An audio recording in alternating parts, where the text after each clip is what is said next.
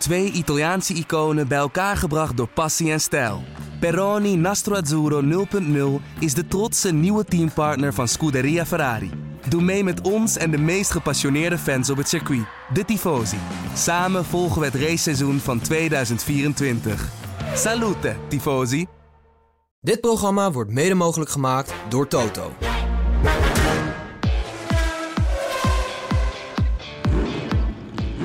Is de Formule 1-podcast van De Telegraaf. Erik van Haren en Christian Albers praten hierbij over het belangrijkste Formule 1-nieuws. Ja, hallo alle luisteraars. Ja, kijkers, die hebben we natuurlijk niet. Dat hebben, hebben we gisteren gehad. Ehm, ik neem het even over, want uh, ik zit in mijn beeldscherm te kijken. En Erik, die ziet er echt belabberd uit. En hij ziet er ook zo uit. Of hij ziet, je ziet het ook niet meer zitten, hè, Erik. Ik zie wel, het enige wat wel positief is, je zit in een andere ruimte. En ik zie een Van Gogh en een Picasso achter je hangen. Ja, dat klopt. die zijn uh, een paar jaar geleden uh, ontvreemd uit een of ander museum. Dus die hangen nu hier. Nee, ik, uh, dit was wel de bedoeling, hè, want ik was vandaag met mijn dochter op pad. Alleen, uh, ik ben en een beetje grieperig gisteren. Mijn vriendin ligt thuis ziek op bed. Ja. En mijn dochter is nu uh, boven aan het huilen, want die kan niet slapen. Maar ik ben bij mijn ouders in het mooie Ede. Oh, dus die hebben zo'n Picasso en Van Gogh hangen. Ja. ja. nou, was maar zo'n feest. Maar mijn ouders waren zeer complimenteus over jou. Niet over oh. mij, maar over jou. Waarom? Ja, mijn vader zei dat je steeds beter begint te praten op tv. Kon ik me ja. niet voorstellen. Ja, maar mijn Nederlands en mijn is moeder heel zei, slecht. Die vroeg of je, of je was afgevallen. Ziet, nee, dat ik ben zou niet. maar als een compliment opvatten. Nou, ik vind het wel echt heel lief van ze. Meen ik echt serieus. Vind ik heel lief, dankjewel. Wil je dat uh, doorgeven aan ze? Maar ik ben niet afgevallen. Ik ben de, dat intermediate Nou. fasting is weer, dat lukt weer voor geen meter. Ik begin wel om 12 uur, maar ja, dan moet je ook een minuutje of 6, 7 stoppen. En ik ga gewoon weer de hele nacht door met uh, de, de welbefaamde koekjes en snoepjes, Oh, koekjes. je rijdt dit, niet dat. even na zo'n Viaplay uitzending even langs de, of door de McDrive of zo. Nee, nee, dat doe ik niet, nee. Maar dat is dan eigenlijk, is dat volgens mij stiekem nog beter om te doen... als dat je al die chips en snoepjes en koekjes eet, Hmm. Denk ik. En heb jij ooit in je carrière wel eens een keer gezongen na afloop over de boordradio? Of... Nee, nee, nee, ja...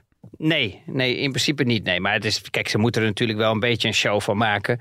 En het is natuurlijk wel echt iets speciaals natuurlijk, hè, dat hij zoveel 17 overwinningen heeft. Ik bedoel, go- goede Ja, we genade. hebben het over Max Verstappen voor de, voor de duidelijkheid. ja, Maar ja. hij heeft ooit wel eens gezegd dat hij dat nummer, dat Green Green Grass of Home van Tom Jones, dat is natuurlijk een heel oud nummer, maar dat heeft hij vroeger heel vaak ehm, in, de, in de bus op weg naar Italië of terug uit Italië, hè, met, de, waar al die goede kartcircuits liggen met zijn vader, Jos. Ja. En, en dat nummer kent hij helemaal uit zijn hoofd, dus dat wisten ze bij Red Bull ook. En hij... eh, nou goed, hij heeft geen eh, gouden strot, maar het was wel weer een gouden race. Want in de problemen is hij niet gekomen, toch? Was Ja. misschien helemaal van begin dat Norris heel even een klein speldenprikje, maar meer dan dat was het ook niet. Ja, en weet je wat ook is? Ehm Norris had natuurlijk ook het voordeel natuurlijk dat hij die nieuwe set banden had. En dat zorgde ervoor dat hij een klein beetje een iets betere piek had. Waardoor hij dat gevecht aan eh, kon gaan. Maar ja, dan merk je op een gegeven moment dat Max gewoon eh, ja, zo ervaren is. En, en zo goed is dat hij eh, correct verdedigt. Nou, die Red Bull loopt ook, dan nog, ook nog wel eens hard op het rechte stuk. Dus dat helpt natuurlijk ook erbij. Ehm, ja, en dan krijg je natuurlijk een Norris die dan te dicht op een andere auto rijdt. Hè? Dus in die versnellingsbak kruipt van Max. Ja, dan merk je gewoon eh, dat je gewoon je banden opbrandt. En, eh, en dat was gewoon... eh, dan zag je gewoon dat, dat Norris eigenlijk helemaal stiekem terugviel. Ja. Nu was je zeer kritisch over Verstappen's teamgenoot, Sergio Perez. Nou ja, kijk, weet je, het is, het is, het is altijd zo moeilijk te managen. Hè? Kijk, je zit daar in- met televisie. En eh, ik vind het sowieso altijd zo moeilijk. En, dan- en dan worden er vragen gesteld en dan moet je antwoord geven. Kijk, kijk, het is heel simpel. Hij staat tweede in het wereldkampioenschap. Dat klopt. Ik denk nog steeds persoonlijk dat hij een van de beste auto's heeft eh, onder zijn kont. En eh, het enige ver- vergelijkingsmateriaal dat we hebben is natuurlijk met Max Verstappen. En ik analyseer natuurlijk een race anders dan dat sommige mensen misschien thuis kijken. Sommigen zijn wel echt heel actief, die kijken op de rondetijden. Eh, sommige mensen kijken gewoon naar de positie en kijken naar de afstand ertussen. Maar ik zie gewoon Perez bijvoorbeeld ehm, al eigenlijk... En, en, en ik vond eh, stiekem ook dat Red Bull een fout maakte in die qualifying op vrijdag voor de zondagrace. Bijvoorbeeld hem zo laat naar buiten te sturen terwijl je weet dat er regen aankomt. Waarom zou je zoveel risico nemen als je strijdt om die tweede positie? Ik begrijp wel dat die baan zich verbetert eh, eh, door de kwalificatie heen met die laatste paar minuten. Maar die luxe heb je niet meer als je weet dat er regen aankomt. En dat zie je als je dan Max ziet die naar buiten rijdt. En dan in één keer zie je dat gewoon, um, um, of tenminste, uh, Perez dan gewoon heel lang binnen blijft staan. Ja, weet je, dat werkt, dat werkt gewoon uh, niet. Wie, weet wie je? beslist dat, uh, Chris? Weet je dat? Is dat, Nou is ja. dat de coureur samen met de race engineer? Of ja, is het is een team. plaatje? Nou- Want meestal zie je dat teamgenoten redelijk na elkaar eruit komen. Hè? En nu als Verstappen was eigenlijk de... Ik heb nog even teruggekeken. Volgens mij achter de Aston Martins en de Mercedes. Maar hij haalde één Mercedes nog in, in de, aan het einde van de pitstraat. Ehm, en Perez kwam echt als laatste, als tiende in Q3 eruit. Want er, er waren ook beelden dat, dat je ziet dat Perez, dat Max hem inhaalt in de, in, in de pitlane. Alleen dat is, ehm, dat is in Q2 of Q1 geweest. Dat is niet in Q3 geweest. In Q3 kwam hij als laatste eruit. En hij werd natuurlijk, ehm, hij moest van het gas af omdat Piastri eraf ging. Maar je, je, je dwingt, kijk, Verstappen zie je toch tempo maken, haast maken. En hem gebeurt het dan toch weer niet. Dus dat is, ik, ik ga er wel met, met jou mee dat dat geen toeval is. Ja, en, en, dat, is, en, dat was gewoon echt heel stom. Maar daar, daar, daar speelde ook het team en zijn engineer ook een grote rol. Dat is niet helemaal op de coureur zijn. Maar als coureur kun je het ook afdwingen. En je ziet dat Max dat wel afdwingt. Maar die foutjes kunnen altijd gebeuren. Maar daar begint het dan op de vrijdag mee. Ja, en dan op een gegeven moment ehm, ja, analyseer ik een race. En als je dan al als negende kwalificeert. Hè, en je ziet dat eh, eh, Max natuurlijk dan weer vooraan staat. Ehm, en je gaat dan rondes voor rondes analyseren, dan merk je gewoon dat hij 1,1 tot 1 seconde tekort komt elke ronde. En dat is gewoon echt heel veel. Ja, en dan als je dan gaat kijken, ja, dan is het aan het eind van de race is het gewoon eh 34 seconden. En Ja, dan heeft hij natuurlijk maar wel dat hij- gevecht, dat- ge- gevecht gehad met Alonso. Maar ik bedoel, Ja. 25 seconden eh, eh, was dan altijd minimaal de achterstand. En dat als je in zo'n auto zit en je, en je hebt de Aston Martin... en dan natuurlijk heb je Alonso, is een, is een fenomeen... maar als je daar 30 rondes, zoals het ongeveer, achter zit... zegt dat nou meer over Alonso of over Perez? beide. Alonso is een echte vechter. En dat hebben we gemerkt gisteren. Want hoe geniaal was het wel niet. En, en daar zie je het ook een beetje. Kijk, weet je, het is op een gegeven moment verovert hij die plek, die derde positie. Perez, hè, hij lijnt er dan toch stiekem op. Maar hij heeft natuurlijk ook een beetje... Ja, hij heeft natuurlijk ook een auto die echt een stuk beter is, stiekem. Ehm, dan pakt hij hem op het rechte stuk. Hij heeft ook veel betere topsnelheid, want eh topspeed. Omdat natuurlijk die Red Bull, die is zo geniaal als die DRS open gaat. Dan komt natuurlijk om die low beam in die, in die achtervleugel. Die is kleiner dan bijna de rest van het veld. En die functioneert gewoon qua eh, aerodynamica veel beter. Dus je ziet dat die de, de grootste stap maken als die DRS open gaat. Nou, dus dat is gewoon, dat is gewoon een, een raket op het rechte stuk. Dus dan is het makkelijk voor Perez stiekem toch wel om voorbij te gaan. Maar ja, dan op een gegeven moment heb je je positie veroverd. En dan zie je nog wel eh, ehm, Alonso natuurlijk, hè, eh, andere mappings eh, pakken natuurlijk. Hè, nog even het extraatje pakken, qualifying mode. Of hè, nog de motor ietsje meer opschroeven om weer erbij te komen. En dan zie je gewoon dat de laatste ronde, dat hij gewoon ja, dat is gewoon verremd. Terwijl hij er nog gewoon ruim voor ligt. Weet je wel? Alonso zit er niet eens naast. Hij zit er niet rechts naast. Hij zit er niet links naast. En hij verremt zich. Dus hij komt wijd uit in bocht 1. Waardoor hij hem niet op kan lijnen in bocht 2. Waardoor hij de snelheid niet mee kan nemen in bocht 3. En waardoor je dus weer een DRS-zone krijgt. Dat lange rechtstuk tussen bocht 3 en bocht 4. Ja, en dan wordt hij dus weer voorbij gereden door Alonso. En dan denk ik bij mezelf, ja, als je toch in zo'n auto zit, in dat kaliber. ehm, ja, dat vond, ik, dat vond ik gewoon hartstikke slecht. En dan heb je natuurlijk mensen die natuurlijk eh, zeggen dat ik allemaal loop te klagen en al dat soort dingen. Ja, maar weet je, het is als je daar aan die tafel zit, is natuurlijk altijd eh, de, de, de, de vraagstelling die, die zo komt. Ja, dan kan je moeilijk zeggen van ja, hij, hij doet het fantastisch. Want ja, ik moet het analyseren en ik moet twee coureurs naast elkaar liggen. En de ene, Ja. die, die is gewoon meer dan een seconde te langzaam per rondje in de race. Ja, en dan kan je niet meer zeggen dat hij, dat hij het heel goed doet. Kijk, dat hij afziet van eh, Max Verstappen. We weten allemaal dat het een natuurtalent is. En dat hij gewoon echt oppermachtig is, die combinatie Red Bull en met Max. Maar dan vind ik dat je nog wel binnen een halve seconde kan zitten. En, maar hetzelfde geldt eigenlijk stiekem ook, eh, om even een bruggetje te maken, voor McLaren. Als ik die twee moet analyseren, dan zeg ik: oké, luister eens. Eh, Norris is de laatste paar races onder druk gezet in die qualifying door Piastri. Kwalificatie uh, uh, duels. Je moet zeg maar zo zien dat de kwalificatie die, die mannen allemaal wat dichter bij elkaar zitten. Hè? Want je hebt natuurlijk een nieuw setje banden erop. Hè? Je gaat tot het maximale. Dan zitten, die, dan zitten normaliter die tijden veel dichter bij elkaar. Maar als je dat dan gaat vergelijken bijvoorbeeld Norris met Piastri in de race. Ja, dan heb je eigenlijk zo'nzelfde situatie als Max en Perez.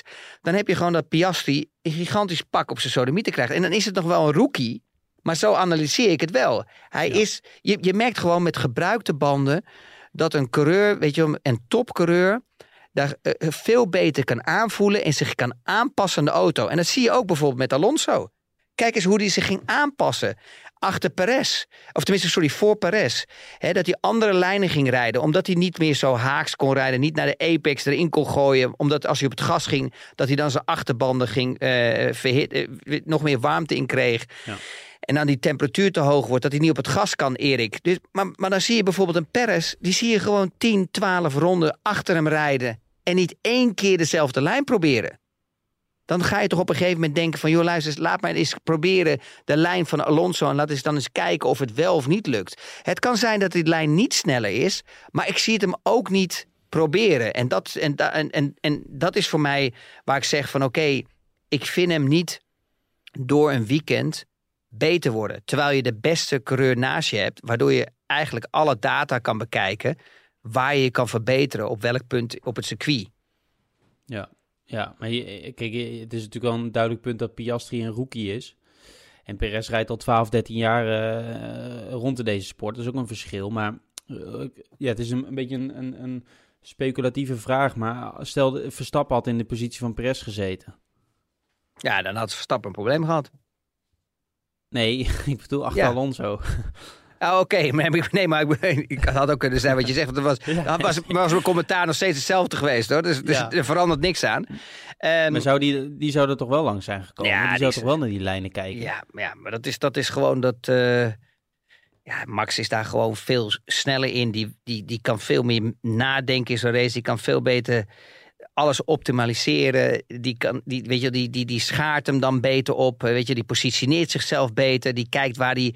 Uh, maar er zijn ook. Weet je, er zijn ook voorbeelden in de race geweest. Kijk bijvoorbeeld naar uh, uh, dat gevecht met uh, Sainz en volgens mij was het Russell uit mijn hoofd. Weet je, dat je Sainz toch ook ziet denken. Um, Leclerc heeft daar ook de bovenhand, maar als je Sainz ziet denken in bocht 3, dat hij hem ietsje uit de slipstream trekt, opkomende bocht 3, om een beetje meer wind op die voorvleugel te krijgen. Dat zijn allemaal van die kleine dingetjes waar, waar ik naar kijk natuurlijk. Want ja, als je natuurlijk in, in high speed corners, hoge snelheidsbochten, natuurlijk gewoon te dicht achter iemand zit, ja, dan heb je minder downforce. Dat betekent dat je moet liften. Ja, en dan kan je niet in die versnellingsbak kruipen. Dus je hebt genoeg coureurs die allemaal toch ook aan het denken zijn en die gewoon, ja, die daar gewoon een stukje beter in zijn. Kijk, kijk naar Alonso, hoe fantastisch die gisteren gereden heeft met dat materiaal. En ik was ook verrast hoe goed die Aston Martin ging in de race. Ja, en hij zei zelf ook, ook al een goed punt dat het cruciaal was dat hij Hamilton al in de eerste ronde inhaalde. Um, wat, dan, ja, als je achter, achter iemand rijdt, of nou Hamilton is, hè, want Mercedes zakt natuurlijk door het ijs. Maar ook al zit je er vijf, zes ronden achter, vraag je natuurlijk veel van je banden. Ja. ja en dan had hij waarschijnlijk nooit in deze positie gezeten. Dus uh, dat, dat merk je ook bij die gasten, bij Alonso, bij Verstappen, bij um, wie, ja, nog een paar hebben dat, dat ze na zo'n race dat perfect kunnen analyseren. Hè? Dat ze precies weten wat ze hebben gedaan, hoe het is gebeurd, eh, waarom ze het hebben gedaan. Hè? Alonso zei ook, ja, toen Perez me inhaalde, toen toen was ik eigenlijk wel gezien. Toen dacht ik, nou, die derde plek is, is weg. Alleen ja, toen zag hij hem dat momentje hebben in bocht 1. Toen dacht hij, hey, nu kan ik je nog pakken. Dus hij geeft hem die ruimte nog, Perez. Ja, maar dat, dat, was, ook, dat was ook mijn uh, analyse. Ik, ik vond echt persoonlijk dat hij zo'n fout maakte daar. En, en dan wordt het eigenlijk een beetje goed gepraat door iedereen. Natuurlijk staat hij tweede in het wereldkampioenschap. Maar, maar, maar mag het? Ik bedoel, Max die, eh, die, die heeft tweede, Hij staat tweede, maar hij staat dichter bij de nulpunten. Dus dichter bij uh, Nick de Vries dan bij Verstappen. Ja. Die heeft dus meer dan dubbele van aantal, van de punten. En Verstappen zelf in zijn eentje heeft meer punten gepakt dan welke constructeur dan ook. Hè, ja, behalve Red Bull uiteraard, maar hij heeft meer punten Mercedes nog kan pakken. Ongelooflijk. Dus- Het is echt ongelooflijk. Dus daardoor zie je dat het. En, en, en laten we nou eens heel eerlijk zijn. Welke coureur kan met een opgege- opgeheven hoofd rondlopen die de laatste ronde gepakt is? Heb jij het wel eens meegemaakt of niet? Ja, ik weet niet of hij echt met op... Liep hij met opgeven? Ja, ik, Nou ja, ik heb alleen hij met Alonso ging- gezien. Ik heb verder Perez Ja, oké, maar, maar het is leuk en het is sportief. Dat kan je, je kan twee kanten zien. Je kan zeggen leuk sportief. Maar als je echt, weet je wel, puur zang sportman, en dat is hij ook wel. Maar dan, dan heb je toch een soort vechtersmentaliteit en toch een bepaalde ego. En dat is natuurlijk wel echt een knauw voor je ego als je gewoon de laatste ronde wordt ingehaald doordat je zelf een foutje maakt. Ja, Dat is gewoon pijnlijk. Waar ik zelf, misschien ben ik een beetje, kan het aan mijn humeur liggen hoor, maar waar ik zelf ook een beetje moe van word, zijn twee mannen. Ten eerste Leclerc, die dan Ja. natuurlijk heel veel pech heeft in die formatieronde. Maar als je Ja. dan hoort over de boordradio van why am I so unlucky, denk ik nou, kom op. Dat hebben we Max Verstappen ook nooit horen zeggen in de jaren dat die Renault-motor altijd plofte. En ten tweede vind ik George Russell een beetje een, een miepert over de radio. Vind je dat ook? Ja, kijk, weet je, het is wat hij. Kijk, hij, ha- hij had absoluut geen punt. Kijk, eh, Lewis was eerder naar binnen gekomen voor een nieuw setje banden. Eh, Russell komt daar later eh, naar buiten, dus die heeft die piek nog. Ja? Maar dan zie je ook duidelijk dat, dat, dat Lewis, hè, net zoals Max, probeert rustig die banden in temperatuur te krijgen. Niet te overdriven. Want het, is, het is echt meer bandenmanagement dan dat we echt met de sport bezig zijn Ja, de laatst, het laatste jaar. En het is gewoon echt niet oké, voor mijn opinie. Want ik vind gewoon dat de banden moeten gemaakt worden. Dat je gewoon van, van ronde 1 tot en met de laatste ronde gewoon, gewoon Zoals we in Qatar hadden, want toen mochten ze maar, eh, wat was het, 18 rondjes op die band. Toen heb je, moesten, Ja. konden ze wel pushen. ja, Maar dit was natuurlijk zeker, maar dit is natuurlijk ook circuit gerelateerd hoge baantemperatuur. Dus wat dat betreft wordt Vegas ook alweer aardig over twee weken, waar het gewoon s'avonds eh 5, 6 graden kan zijn. Ehm, maar dat los, eh, lo- los daarvan. Maar ook die sprintrace bijvoorbeeld, je bent alleen maar bezig met managen. Het heeft Ja. eigenlijk niet, eh, en een sprintrace is eigenlijk, een, ja, het zegt het al, een sprint, een race, dus je moet kunnen pushen. Maar dat gebeurt daar ook al niet. Nee, en, en, eh, om- om maar heel even terug te komen op dat punt. Eh, eh, Russell, die, komt dan, die heeft dan die piek van die nieuwe banden. Dus die rijdt naar eh Lewis toe, krijgt dan ook nog een DRS erbij. Ja, dat helpt allemaal. Ja, en dan gaat hij lopen piepen dat hij er voorbij wilt. Maar het team heeft gewoon de juiste beslissing genomen. Wat, wat gebeurde er na de hand? Twee, drie, vier ronden later zie je gewoon dat Russell gewoon 3,5, 4 tiende per ronde tekort komt. En dat die afstand steeds groter wordt. Dus het laat maar zien, weet je wel, dat het allemaal optisch is voor ons vanuit, eh, eh, weet je wel, vanaf, vanaf de televisie.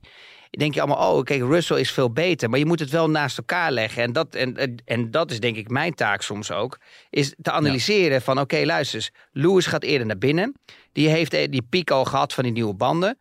George heeft daardoor de mogelijkheid met zijn nieuwe banden... die iets later naar buiten komt, die piek te hebben in vrijelijk... en dan naar, naar, in, in principe naar Lewis toe te kunnen rijden. Maar ja, dan op een gegeven moment komt het, dan weet ook elk team weet dat ook, is dat je dan op een gegeven moment die banden weer een beetje gaan inzakken. En dat je dan weer op hetzelfde komt. En als je dan, dan gaat kijken, dan is eigenlijk Lewis de betere racecoureur. En dat hebben ze ook al gezien van de afgelopen andere, eh, de andere races ook. Is dat hij weer constant is. En dan ga je naar een kaliber toe zoals Alonso, Norris, eh, Max Verstappen. Die, daar zit Lewis ook in. En, en dan zie je dat, die, dat eh, George wel fantastisch is in de qualifying. Hij heeft bepaalde momenten. Het is echt wel een goede coureur. Eerlijk, eerlijk is eerlijk. Ehm, maar je ziet wel het verschil in, in, in, in, in, de, in de race. Daar zie je gewoon echt Ja. een verschil in tussen de toppers en, en ietsje, ietsje mindere. Ja. Wat bij Red Bull, als je nog van een minder punt kan spreken dit jaar, eh, waren toch wel geregelde starts. Ehm, dat gaat de laatste weken ook eh ja, supergoed. En, en, en, en belangrijk iemand eh, die daarbij betrokken is bij Verstappen in ieder geval is zijn engineer Michael Manning. Die ken jij ook goed. Die heeft Ja, die met is- jou gewerkt. Die was ook bij Je hebt mij. groot gemaakt. Nee, nee, nee, maar die was eh, precies hetzelfde. Ik had Jody en daarna had ik ehm, Ja, nu wel GP. Ja. Ja, dan had ik GP. eh, Jody was mijn engineer. GP was mijn data engineer. En eh, Michael Manning ook. Die deed ook toen de tijd bij mij de starts. Nou, dus die heeft behoorlijk wat ervaring. Ik bedoel, was die al Die sinds mannen zijn 2000. wel goed terechtgekomen allemaal. Ja, dus ik ja, is niet normaal. Ja, niet normaal. ik, zat laatst, ik zat laatst een lijstje te maken. En ja, dat kun je natuurlijk allemaal niet op televisie zetten. Want dan ben je allemaal weer zo'n eh, zo'n bosklopper. Maar, kan in de podcast eh, wel hoor. Ja, in de podcast wel. Dat is een beetje onze, onze, onze, onze oude uurtje. Is dat ik heb getest bij Jordan. Daar was eh, Bono, engineer.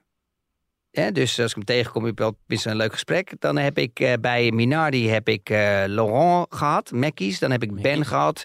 Ben is weer naar, eh, naar hoe heet het nou gegaan? Naar, Aston, die is bij Aston Martin gebleven. Dan heb ik GP gehad. Dan heb ik ehm, eh, Michael Manning gehad. Ehm, dan he- ken ik Ricky natuurlijk ook. Hè. Die zit nu bij Ferrari ook. Ehm, ja, weet je, het- weet je, en dan heb je Andy, eh, eh, Andy nog steeds, Stevenson. Die zit natuurlijk ook bij eh, Aston Martin. Dus Ja. dat, stiekem, stiekem heeft, is iedereen heel succesvol geworden in de Formule 1, behalve ik. ja, dat is, dat is niet te geloven. Iedereen is gewoon doorgestroomd. eh, behalve eh, meneer Albers. Het is echt een drama, maar het is niet anders. Ja. Maar ja, jij eh, maakt hier heel veel mensen gelukkig mee, of in ieder geval een handvol mensen. Ja, Heb dat je, mijn, heb je mijn interview met GP nog gelezen? Of eh, ik heb het nog naar je doorgestuurd, maar ik kreeg geen reactie zoals zo gewoonlijk. Dus dat Ah, nee, sorry man, maar ik zat zo in stress met het, eh, weet je wel, dat tele- eh, is eigenlijk een lang verhaal hoor. Nou, maar zo'n weekend is stiekem toch wel lang met televisie. Maar je, moet toch wel van tevoren aanwezig zijn. We hebben dan nog eh, een beetje, klein beetje voorbereiding. Nou, de voorbereiding werkt toch nooit zoals het echt eh, aan de desk eh, wordt besproken. Maar in ieder geval, je bent er al een uur van tevoren. Dan heb je een uur voorprogramma. Ehm dus ja, weet je, zo'n weekend schiet voorbij. Maar ik zie het wel, hè. Ik zie, ik- alles wat je doorstuurt naar mij, dan weet je ook wel. Dit doe je gewoon zo'n sneaky vraagje zo ertussendoor. Ik zie je ook lachen gewoon. Je weet dat ik, alles zeggen, lees wat je ziet met vinkjes. En je weet dat ik het waardeer altijd. Dus en ik bel je altijd terug eigenlijk als ik in de auto zit. Hè, of, als Ja. ik, eh, of als ik hier naartoe rijd. Dan, dan lullen we nog een beetje. Dat klopt. Maar ik wil zeggen, zo'n interview met Lambiasse, daar ben ik al het hele jaar mee bezig geweest. Maar eh, en hij had me zijn woord gegeven, maar je weet hoe die is. Hij wil natuurlijk niet zo op de voorgrond treden, maar het is een hele aardige, eh, makkelijke prater.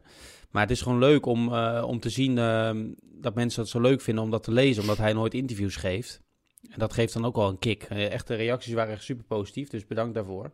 Maar het is gewoon leuk omdat Formule 1 toch voor veel mensen toch wel eh, ver van hun bedshow is. Om, om dat soort kijkers achter de schermen af en toe te kunnen geven. Dus Ja. het is wel eh, leuk dat het eindelijk gelukt is. En hij had ook al leuke, leuke teksten. Want hij zei ook eigenlijk dat hij nooit als race-engineer nooit meer met een andere coureur wil werken dan Verstappen. Omdat hij zegt van dit is zo uniek en speciaal. Het is, zou ook niet eerlijk zijn aan een andere coureur om dat dan nog over te willen doen. Vond ik wel, eh, vond ik wel mooi. Ja, dat is ook wel. En, en, en dan zegt hij ook dat hij dan een andere functie wilt gaan aannemen. In plaats van echt één, één coureur te doen. Maar ik vind het gewoon mooi dat je zo'n interview doet. Maar ik vind dat je de laatste tijd sowieso wel gewoon. Weet je, je bent super creatief. Omdat je. En Ja, er creatief wordt wel eens gevraagd natuurlijk van, eh, wordt het niet saai of is het niet lastig? En dat is natuurlijk af en toe zo, want het is, je, we zijn natuurlijk vooral, en dat, dat, ja, dat is natuurlijk eh, duidelijk, we zijn natuurlijk vooral gefocust op Verstappen, niet alleen maar, eh, maar wel van een groot gedeelte. Alleen, eh, ja, je moet toch, eh, het kampioenschap is natuurlijk al lang en breed beslist, je moet toch een beetje creatief proberen te zijn, maar je merkt... Als je gewoon een goede contact opbouwt, dat je er af en toe wat voor terugkrijgt. Hè? En eh, zeker nu aan het eind van het seizoen is het dan weer wat makkelijk om interviews te doen. Ik had deze week ook Toto Wolf nog. Uh, dus dat is allemaal wel leuk. Nou, als we nu toch bij Mercedes met Toto Wolf zijn, die noemde dit het zijn slechtste weekend in 13 jaar. Ik hoop niet dat die doelde op, mijn, op het gesprek dat wij hadden, maar um, dit had ik toch echt niet verwacht, eerlijk gezegd. Het is natuurlijk misschien weer ook weer een gevolg van het sprintformat. Um, waar ze er in Austin eigenlijk goed bij zaten. Maar ja, uiteindelijk was natuurlijk die, uh, die auto van Hamilton illegaal. Maar dit was een drama voor Mercedes. Ja, dit was echt. Uh... Ja, dit was, een dramatisch weekend. Die hadden het gewoon echt niet voor elkaar. En die hebben echt veel huiswerk meegekregen vanuit Brazilië. Die, die zullen echt nog wel een beetje op een achterhoofd krabben. Van wat hier gebeurd is. Dus echt. ja, het was echt, echt heel slecht. En uh, zo zie je maar, als je er met de setup een beetje naast zit... zo zie je ook maar weer dat je met de qualifying redelijk kan presteren. En dat je dus gewoon zo'n race gewoon helemaal zoek wordt gereden. Ja, weet je, het is zelfs die Tsunoda, die maakt het toch moeilijk, hè? Ga Gasly die voorbij kwam bij Lewis, uh, Sainz, ga zo maar door, Stroll, weet je, die twee Aston Martins, ja... Pff, ja zo, uh, het was wel heftig, moet ik eerlijk zeggen. En, ja, ja terwijl en, ze normaal natuurlijk in de race goed gaan... Ja, en, en Lewis is ook zo'n doorbijter uh, normaal. Hè? Dus die, die, die, die, ook al is die auto wat langzaam, hè, die, die past zich net zoals Max en Alonso aan. Hè, aan de karakteriek van de auto op dat moment. Hè, hoe de auto ligt, hoe de setup is. Hè, dan, dan, ja, maar dan rij je eromheen om je problemen proberen omheen te rijden. Hè. Dat, dat, doen, dat doen goede coureurs. Maar ook daar, je, je zag gewoon, het was gewoon helemaal niks. Het was echt, het was, het was echt, een, echt een slecht weekend voor hun.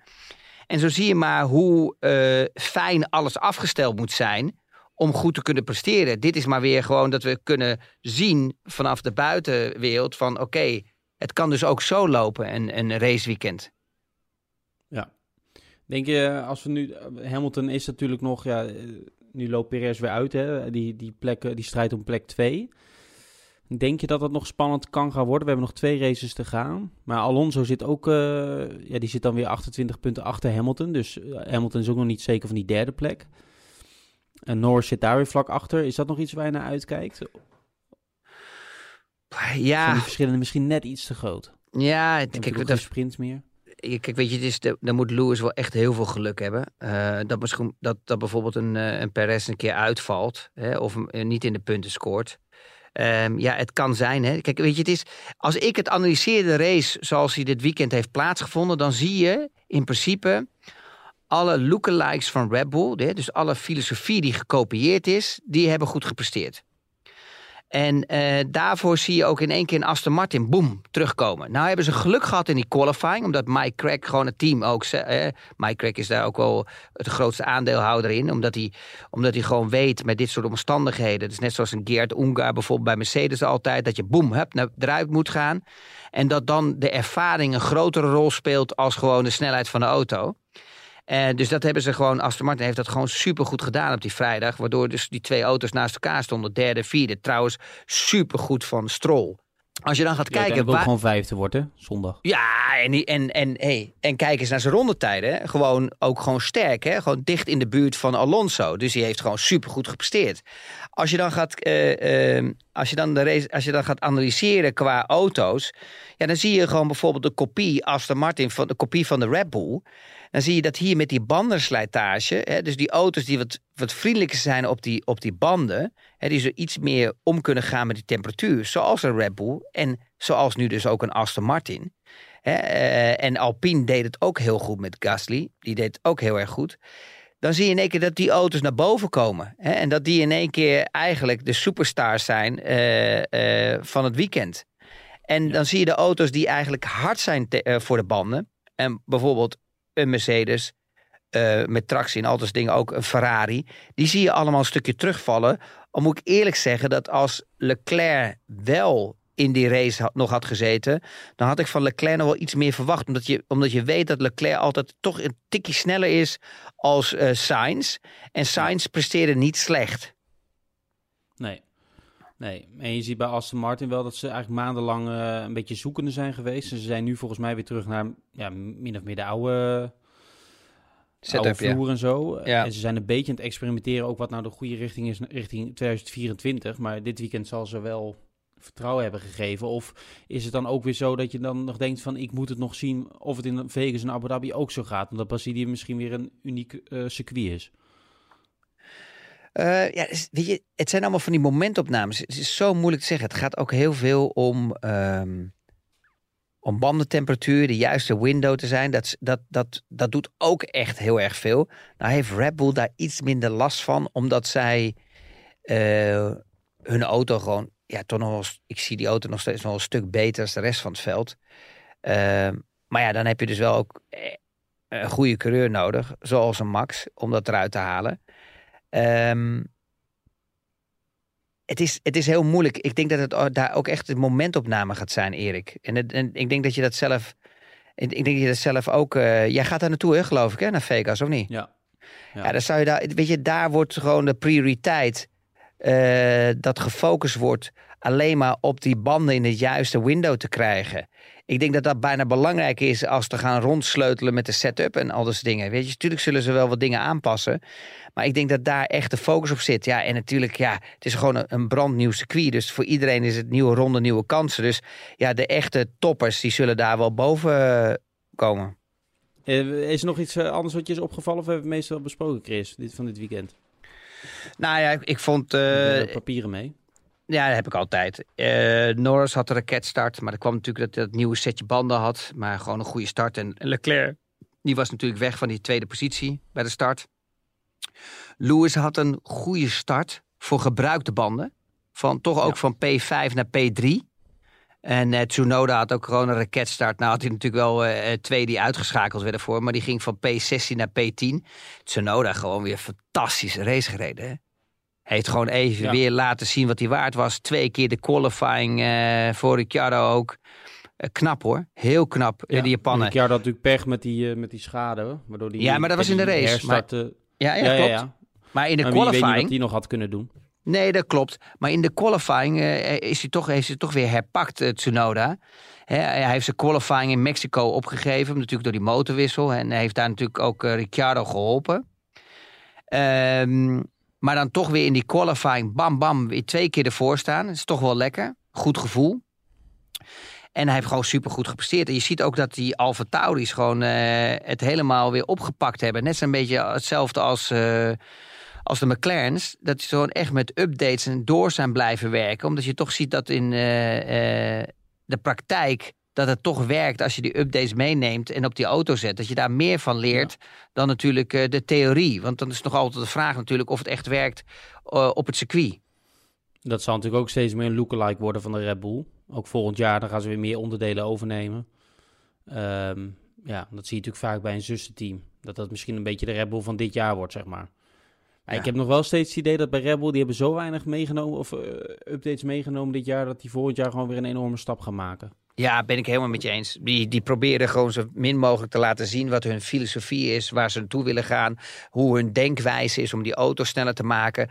Die willen er gewoon de rest, de concurrentie niet wakker maken. En ze hebben groot gelijk, want ze hebben nog die overmacht. Al moet ik wel eerlijk, eerlijk is eerlijk, ik vind dat Norris een fantastisch weekend heeft gedraaid. Zeker. Je, je merkt bijvoorbeeld dat snelste ronde alleen al, hè? ja, maar ja, die, die, die eerste stint. Oké, hij probeert het bij Max. Dat vind ik al mooi, weet je, dat je dat gevecht krijgt. Ik dacht, misschien is er ook een probleem bij Max. Maar het kon ook bij Max zijn dat het misschien niet zo goed ging. Dat je een foutje maakt of wat dan ook. Maar dat, dat, viel, ja, dat was eigenlijk niet het geval. Nou, dan, dan, dan, dan zet hij te veel aan. Dat hij echt in die versnellingsbak gaat komen. Dus merk je dat hij zijn banden opbrandt. En dan zie je in één keer dat hij dat gat slaat van die 4, 5 seconden. En dat heeft eigenlijk een beetje de nek omgedraaid bij Norris. En als je dan die laatste stint... Hoe heet nou, is het ook niet met me is het nou met me eens of is het niet met me eens? Ze maakte lawaai. Nu zwijgt ze. Wie zwijgt ze toe? Oké, top. En dan die laatste stint, dan zie je in één keer dat Norris eh, gewoon echt in vrije lucht ongelooflijk snel was. En hij stiekem net zo zelfde pace had als Max, of misschien Ja. wel sneller. Ehm, en dat was wel gewoon echt gewoon eh, mooi om te zien. En natuurlijk is Max natuurlijk aan het managen en hij had genoeg afstand. Dus we weten niet tot hoe ver Max zich inhield. Maar hij kwam niet. En je, en je kent Max, die gaat altijd voor de snelste ronde. Dus die heeft alles Ja. op alles gezet. En die kwam gewoon een seconde tekort. Ja. Hij heeft alleen dit keer niet echt, hebben ze het ook niet over de, op de boordradio echt over gehad. Alleen, ik ben het met je, ik had eigenlijk verwacht dat hij aan het einde, want hij zette wel wat meer aan. Hij ging wel snellere tijden rijden, maar hij kwam bij lange na niet in de buurt van die, ja, die, die ronde was echt heel snel van Norris, die snelste ronde dan. Ja. Maar eigenlijk elke stint kon die Verstappen goed volgen, tot aan het, ja, misschien de laatste vijf, zes rondjes van die stint. Ja. Ehm, dat was wel, eh, ik vond het echt eh, indrukwekkend. Dus eigenlijk, zo'n Norris gun je eigenlijk een keer zijn eerste overwinning, hè? We hebben het natuurlijk vaak over gehad. McLaren won natuurlijk toen met Ricciardo. Maar zo'n Norris, die is zo goed bezig. Die gun je Ja. natuurlijk wel een keer een succesje. En eh, hij zegt ook eerlijk, ja, een tweede plek is normaal, is eigenlijk het beste wat we kunnen doen. Want Verstappen heeft overal een antwoord op. Maar ja, je zou natuurlijk ook, hij zou natuurlijk ook hopen dat Verstappen een keer pech heeft. Ja, ja, ik weet je, het is, eh, eh, er komt een weekend aan, hè. Maar eh, ik weet nog niet of de McLaren's ook goed zullen zijn op een circuit zoals eh, eh, een stratencircuit, zoals in Vegas, zoals Singapore. Ehm, ik, ik, heb, ik heb het gevoel dat daar weer de auto's, eh, zoals een Ferrari, tractie, remmen, mechanische grip, dat die het goed zullen gaan doen. Eh, een Mercedes bijvoorbeeld ook weer goed erbij kan gaan staan. Die moeten zich her- eh, herpakken. Nou, je weet net zo goed als ik, Lewis is natuurlijk helemaal een Amerika-liefhebber. Dus die is er echt op gebrand om een goed resultaat eh, neer te zetten. Maar Max wil natuurlijk ook wel weer een keer laten zien dat de Red Bull ook gewoon op een stratencircuit gewoon goed kan gaan. Dus weet je, iedereen, het, komt wel, er komt wel een mooie race aan. Weet je, iedereen is erop gebrand om het goed te doen. Iedereen Ja. heeft wel een reden om zich, weet je, wel, om nog even dat extra setje te geven. Het blijft ook wel bijzonder. Zoals Mercedes, daar dachten ze misschien intern ook wel. Nou, Brazilië kan ons goed liggen. Nou, dat valt een vies tegen. Norris zei na de race in Austin, meen ik ook van ja, Mexico en Brazilië, daar verwacht ik eigenlijk niet veel van. Nou ja, dan zie je dat hij in Brazilië gewoon geweldig gaat. Dus ook, ja, of het is ja, toneel, maar dat denk ik niet. Dus dan, ze verbazen zichzelf ook eh, elk weekend, of het nou negatief is of positief. En eigenlijk is Red Bull nog steeds de enige constante factor. Ja, die lijken altijd, behalve in Singapore natuurlijk, maar die lijken verder altijd wel eh, competitief en, en in ieder geval een normale snelheid te hebben. Maar die andere teams die blijven gewoon enorm zoeken. En dat is natuurlijk wel, het is nu al november, het seizoen is bijna ten einde. Dus ik vraag me dan af of je dat begin volgend jaar wel onder de knie hebt. Nou ja, dat, dat laat maar zien hoe moeilijk het is om eh, eh, die data van die banden om te zetten in resultaat. En ehm, wat ik wel analyseer natuurlijk in de afgelopen races, is dat je ziet bijvoorbeeld eh, de qualifying, is dat echt iedereen veel, veel dichter bij elkaar is gekomen als de jaren, de- eh, of tenminste als het hele jaar daarvoor. Hè, dus bijvoorbeeld in het begin van het seizoen merkte je dat Max wel echt een grote gat had eh, naar de rest van het veld, hè, naar de tweede, derde positie. En je ziet nu dat het gewoon echt om eh, duizendste kan gaan, of eh, honderdste, of eh, een paar tienden. Hè. Ik, bedoel, ik, ik bedoel, als je nou gaat kijken bijvoorbeeld met de qualifying ehm, in, de, ehm, in, de, ehm, in, de, in dit weekend in Brazilië. Ja, dan zie je bijvoorbeeld gewoon dat iedereen bijna in, in, in, in een paar tienden staat, weet je wel. Dat is, dat is ongelooflijk. Dat is Ja. echt knap. Maar wat, dacht jij van, natuurlijk- wat dacht jij van die laatste, laatste exit van Alonso met eh Perez? Want iedereen was allemaal zo zeker van. Maar ik zei, wow, die, die, die, die, eh, die Red Bull die kan nog wel eens als een raket gaan. Hè, en die had Ja. een stukje slipstream, die, die, die DRS ging open. Maar het was echt, echt close. Hè? Want ik bedoel, als die, start, die 53.000. finishlijn drie meter later was... dan was hij de sigaar geweest. Dat was met bloot oog natuurlijk bijna niet te zien. Want op die beelden van boven zie je nou natuurlijk niet echt direct waar de... Dus dan moet je echt, je moest echt goed kijken. Maar ik weet niet of Alonso... Misschien was Alonso er bij die laatste bocht iets zekerder van. Dat weet ik eigenlijk niet. Dat Nee. misschien nog even schokken. Ja, helemaal. Zeker weten. Maar wat, wat ik, waar ik ook nog wel eens nieuwsgierig ben... dan moet ik eens even van Jody vragen. Dat doen we in de volgende podcast. Ga ik wel eens vragen... Ja. of iedereen op dezelfde plek die transponder heeft zitten. Snap ik bedoel? Als je Ja. over de start-finish Ja, ja. komt. Maar ja, aan de andere kant, aan de andere Zou kant, nee, ik denk dat ze toch eh, de echte finish pakken. Dus dat je dan wel een foto krijgt van de, van, Ja, eh, van de finishlijn. Formule 1 had ook nog zo'n beeld ge- eh, gedeeld. Met zo'n soort fotofinish. Zoals je ook in het wielrennen ziet. Eh, of in de atletiek. Dus dat was wel. het was in ieder geval duidelijk wie de derde was uiteindelijk. Maar het is natuurlijk wel gaaf dat we dat hebben. Want we, eigenlijk waren de verschillen boven. Ja, Verstappen Norris was natuurlijk duidelijk. En dan Norris naar, de, naar P3 was ook duidelijk. Maar dat je nog even zo'n. Zoiets hebt. Hè. Je merkt ook bij, bij de kijker en bij de reacties ook van de commentatoren. eh, merkt hij toch wel dat het. eh, ik heb sowieso het idee dat de commentatoren van Viaplay redelijk Aston Martin minded zijn. Oh ja? Hebben die daar aandelen in? Of? Eh, dat weet ik niet trouwens, moet ik eerlijk zeggen. Ja, ik denk misschien dat eh, Nelson... eh, Nelson heeft volgens mij een goede bal met Mike Crack. Yes, ja, eh, dus dan, dan krijg je automatisch wat meer informatie. Dus dan, ja. dan, dan heb je daarover... Met name Maar Alonso eerlijk is eerlijk- een coureur waar iedereen fan Ja, van is. Tenminste, maar- lijkt me tenminste. Eerlijk, eerlijk is eerlijk. Ze hebben een fantastisch weekend gehad. En ze hadden dat ook echt nodig. Want Ja. ze zakte, iedereen sprak er ook over dat ze terug aan het zakken zijn. Ik geloof ook niet dat ze het gevonden hebben. Eerlijk is eerlijk. Ik denk dat ze ook in eh, Abu Dhabi eh, eh, toch een pak op een sodemieter gaan krijgen. Ehm, ik denk dat ze in, in VK's wordt gewoon een, echt gewoon een ja, casino. Casino, Wat- leuk, ja, we, ja, we weten gewoon echt niet wat er gaat gebeuren. Ehm, maar ik denk niet dat ze bijvoorbeeld in Abu Dhabi goed zullen presteren. Ik zie, ik zie dat niet gebeuren. Maar het is wel mooi, want we, we hebben er allemaal over gesproken. Hè, dat ze terugvallen. Je ziet dat die upgrades, die updates allemaal niet werken. Ehm, en dan merk je toch dat, eh, eh, ja, ik denk dan, dat, toch dan vraag ik me af, zo'n Dan Vellows, of die dan echt ook de man was in zo'n aerodynamica team van Red Bull. Eh, dat hij, hij het ook echt was. Of nu zie je bijvoorbeeld dat hij. Het is belangrijk wat er volgend jaar gaat gebeuren. Denk jij niet? Dat is ook Ja. wel. Weet je, dan kan je echt zien of zo iemand de juiste koop is geweest, hè, die je naar je team hebt getrokken. Ja, ja. Eén puntje van kritiek van mij op jou.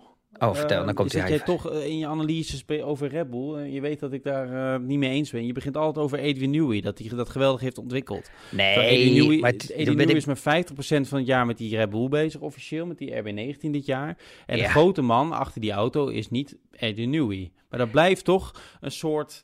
eh, ik zag pas ook ergens een, een, een verhaal erover dat hij de grote man erachter is. Dat is gewoon bullshit.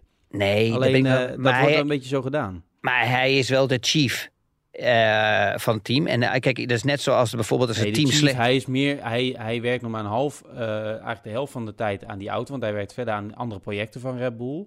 En hij is meer, volgens mij is hij meer een adviseur, adviserende rol. En de grote man is de technisch directeur, Pierre Waché. Alleen Newey is natuurlijk nog wel belangrijk, want hij loopt niet voor niks met dat klapblok over die grid. Hè. Hij zal niet de boodschap aan het noteren zijn voor de dag erna. Dus eh, hij, hij is natuurlijk nog wel belangrijk. Alleen hij wordt natuurlijk. eh, Hij heeft natuurlijk die status ook door zijn verleden, wat niet meer dan terecht is. Alleen het, eh, ik vind wel dat je de juiste credits aan de juiste personen moet geven. Ja, maar dat is, kijk, weet je, het is, jij hebt dat natuurlijk gehoord ook van de Verstappers. En, nou, niet alleen van de Verstappers, maar wordt nee, ook gewoon door, ja, door nee, mensen maar- binnen Red Bull Nee, nee, nee, dat, nee, maar, ik was nog niet klaar. Maar luister, kijk, het is natuurlijk ook nog. Kijk, het is net zoals als het team slecht presteert.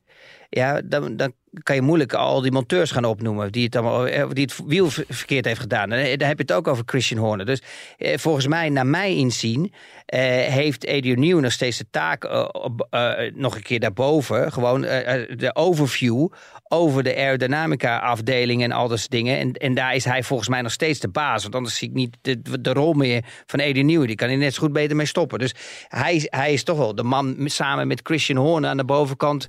eh, of, de Ja. of de vertaler naar, naar de afdelingen toe. Dus ja, je moet wel ja, iemand noemen. het wel zeggen, ja, ja. Maar je weet, ja, eigenlijk is het wel eh teken dat ook Christian Horner dan ook niet de man is die de allergrootste beslissingen neemt.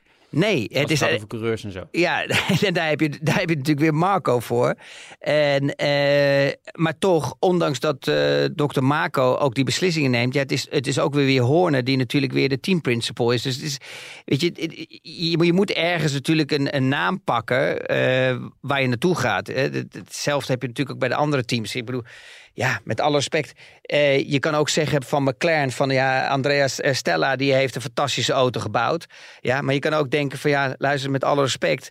eh, hoe kunnen ze zo'n gigantische stap hebben gemaakt? Ik denk niet dat dat nog uit de doos was van James eh, Key. Met alle respect. Ik, ik, ik, ik- kan een groot gedeelte zijn, maar het hoeft niet zo te zijn. Ik denk dat het gewoon echt te maken heeft gehad toen Rob eh, Marshall natuurlijk het contract tekende. En dat weet jij net zo goed als ik. Dan, dan verklap je wel wat welke richting je op moet gaan. Want je kan niet in zo'n korte periode zo'n gigantische upgrade eh, brengen. Waar je auto van achteraan in één keer eh, vooraan staat. Dus ja, weet je, Nee. dan, dan, dan heb je het ook over Rob Marshall. Maar dat zijn natuurlijk meerdere mensen die die, die informatie van Rob Marshall natuurlijk op papier moeten zetten. En, en de onderdelen moeten maken. Ja. Ehm, nog even terugkomend op vorige week. Maar hebben we een, dankjewel eh, dat je me even in ieder geval wakker schudt. Dat is wel fijn altijd op de maandag. Ja. Ben ik weer gewoon weer even lekker scherp. Hoppa, here we go ik man. ook voor. Go. Nu jij mij nog. En we zitten bij Ehm, elkaar hè, vrijdag hè. Je gaat je gedragen hè. We oh doen ja, een televisieprogramma samen hè. Ja, Echt hoor, want ik pak je jongen. Ik zweer het je, ik pak je. Ik weet waar je woont. Ja, ja, dat weet ik. Daarom ben ik nu ook eh, al eh, op mijn schuiladres gaan zitten. Ehm, we hebben vorige week tot slot eh, natuurlijk die prijsvraag van dat eh, mooie magazine Drivers Journal gedaan. Echt een hele leuke inzendingen van eh, gekregen. Ehm, mensen hebben er echt werk van gemaakt, dus eh, bedankt ook voor de mooie woorden over de podcast. Ik heb twee winnaars uitgekozen, Chris. Ja. De Twee? ene heet Chris de... Ja, we gaan twee magazines weggeven, dus twee winnaars. Chris de Vries, gefeliciteerd. Oeh, mooie naam. Ik heb nog wel even je adres nodig, Chris. Ehm, die heeft ook een mooie foto met jou, eh, Christian, bij dat meen je gedaan. Oh, In Zandvoort. Even kijken, Oh, kun je leuk. zien zo? Oh ja, daar heb ik oranje aan. Ah, Max Verstappen t-shirt. Hey, hey, met, die, die, met die Formule 1 auto erop. Ja, die, die kwam toen voorbij lopen. Die, hebben, die, die Ja. heb ik erbij getrokken. Dat vond ik zo cool. Maar weet je Ja, wat ik nou zo zei- leuk, leuk vind? Ja, hij zei dat jij eh, met hem op de foto wilde. En dat, Ja. die- dat een vriend van hem toen had gezegd, even verderop, van weet je wie niet het was. En toen herkende hij jou pas en toen eh, kwam hij nog even terug. Ik kan me Ja, nog maar herinneren, ik, sta ook, ik sta op de achtergrond ook op de, een van die foto's. eh, Maar wat ik zo leuk vind, is dat iemand, weet je wel, zoveel passie heeft. Dat hij de tijd neemt om zoiets te maken. En dat vind ik gewoon leuk. Weet je. En daarvoor wou Ja. ik gewoon op de foto. Om het gewoon te laten zien ook aan mijn kinderen. Van kijk eens, weet je wat, wat iemand maakt. Dat vind, ik, dat vind ik gewoon leuk om te zien. Chris heeft er een mooi verhaal aan gewijd, maar ik zal het niet helemaal voorlezen, want het, duurt een beetje, het is een beetje eh, uitgebreid en je kent mijn eh, kwaliteit als voordrager. Ja, maar waarom Eh, niet? de andere winnaar is, en daar heb ik wel het adres van, Emiel Vertogen. Emiel Vertogen uit Zeeland. Emiel, gefeliciteerd. Ook een heel mooi verhaal dat hij, altijd, dat hij met zijn zoontje altijd kijkt. En dat hij op 15 mei 2016, toen Verstappen zijn eerste race won in Barcelona, exact één jaar getrouwd was met zijn ik hoop huidige vrouw. Ze zouden uit eten gaan die avond, maar dat is er uiteindelijk niet, eh, is niet van gekomen. En hij kijkt nog steeds eh, met zijn vrouw en zijn eh, oudste zoon. Hij heeft, verder, hij heeft twee dochters, zeg ik even snel. Kijken ze nog altijd snel, kijken ze altijd naar de Formule 1 samen. Leuk. Dus Leuk, nee, leuke verhalen. En ook voor de mensen die eh, ik hier nu niet heb genoemd, eh, hartstikke leuk. Dat was een lastige keuze om te maken. Dus eh, eh, volgende keer hopelijk beter. En ik, heb, ik, ik moet even kijken hoeveel van die magazines ik er nog heb. Het zou kunnen dat we er binnenkort nog één weggeven. Maar dat, daar kom ik dan even op terug. Nou, top. Leuk, man. Top. Nee, Ja, en neem wat, we- neem wat stoers mee uit Vegas. Ja, ik neem wel een extra grote koffer mee. Want ik neem aan dat daar de goodies toch wel Ja. om de oren vliegen. Ja. Ja, ben ik nee, nooit eh, te en maar, voor anders neem je gewoon een, eh een handbagagekoffertje mee die groter is. Waar je andere Ja. koffertje in past. Dan kan je er twee en dan zet je die gewoon op de band. Dan duw je die. Als je Ja. dan. Als je, jij, ja, kom op, loop. Weet je, dat zou fantastisch zijn. Als jij met zo'n Nou. koffertje dan over die paddock heen loopt. Dat heb je wel eens, weet je, bij die shows. Dat mensen maar gewoon van armoede die koffertjes meenemen. Dat ze allemaal zoveel van die mapjes krijgen, van die folders. allemaal. Ik zie jou al lopen door die paddock. Met het koffertje achter je aan. Oh, Ja, het fantastisch. wordt wel een be- het- ik denk wel, het wordt wel een lastige race qua ehm, tijden. Het is natuurlijk een beetje een Singapore tijdschema. Alleen in Singapore heb je natuurlijk het voordeel dat je gewoon in het Europese ritme zit. En in Amerika heb je dat natuurlijk niet. Kijk, die race is om 10 uur, zaterdagavond, lokale tijd, s avonds. De kwalificatie is vrijdag om 12 uur, dus eigenlijk zaterdagochtend. Niet normaal. Dus dat is in Nederland dan 9 uur s ochtends, de kwalificatie en de race om 7 uur s ochtends. Moet jij bij Viaplay zitten dan? Nee. Nee. Ah ja. Weten was eigenlijk mijn eh, laatste race. kom je te laat. Dit was mijn Oh. laatste race. Ja. Heb je een Eh, contract ik, voor volgend eh, jaar eigenlijk? Eh, dat weet ik nog niet. Oh, nou. Moet heel geheimzinnig over gedaan. Dat was trouwens leuk. Ik noemde de naam van de, eh, tot slot eh, die Michael Manning, die motor-engineer, eh, of nee, niet motor-engineer, die uh, clutch-engineer eigenlijk Ja. van eh, Verstappen. Daar stond ik mee te praten in Austin. Toen kwam die Ted Kravitz voorbij van Sky. En die zei, want Max had hem toen bedankt, die Manning, over de boordradio. Alleen dat was gewoon omdat de start goed was. En toen zei die Kravitz van, eh, ga je weg bij Red Bull? En toen het enige wat die Michael zei was, eh, no comment. Dus die deed een beetje, het sloeg nergens op, want die, daar is niks aan de hand. Maar die, eh, dat zei hij gewoon een beetje voor de lol, want dat had geen zin om met hem te praten. En dan, die Kravitz, die noemt gewoon dan, en daarna, die, en dan wordt dan overal weer overgenomen. Het gerucht dat Michael is Manning weggaat bij. Red Bull. Dat Ongelooflijk. is echt niet normaal, hè? Ja, is niet normaal. Hoe dat tegenwoordig gaat. Ja, het is Ook ook... heb je deze week met Alonso nog gezien, dat gerucht over dat Ja. hij naar Red Bull zou gaan. ja, daar dat, hebben is, we het. dat is, weet je waarom dat is? Omdat een Spaanse journalist met volgens mij 400.000 volgers op Twitter, of X heet dat nu, die heeft iets dat hij een gerucht had gehoord. Dat is sowieso een beetje raar als je journalist alleen eh, verspreidt dat je iets hebt gehoord, maar nog niet kan zeggen wat. Dan, denk, ik, dan zegt dan niks. Dat ging overigens niet over Alonso. Eh, maar dan wordt er dus, omdat hij dat heeft gemeld, gaan de mensen aan de haal, die, die gaan dan invullen dat het Alonso naar Red Bull is. En dan krijg je dat gerucht in de. Dat is nergens op gebaseerd. Alleen op dat tweetje. Dat is toch onzin allemaal? Luister eens, eh, eh, die media die staat zo onder druk om continu elke dag nieuws te brengen. En daar hebben we het al zo vaak over gehad. Ik zou er helemaal moedeloos van worden. Dat is Formule 1.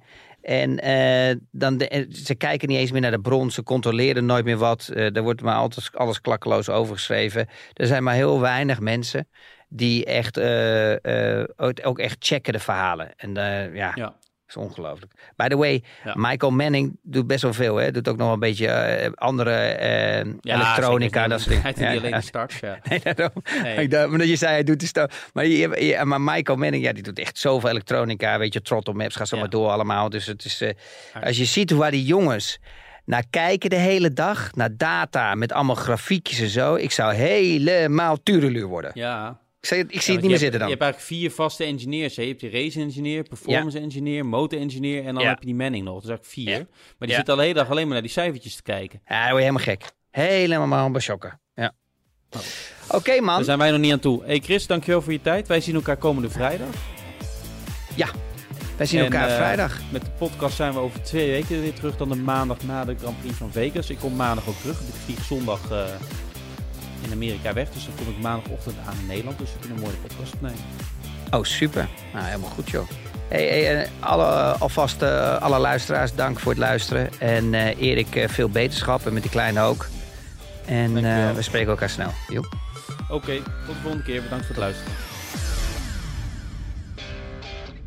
Dit programma werd mede mogelijk gemaakt door Toto.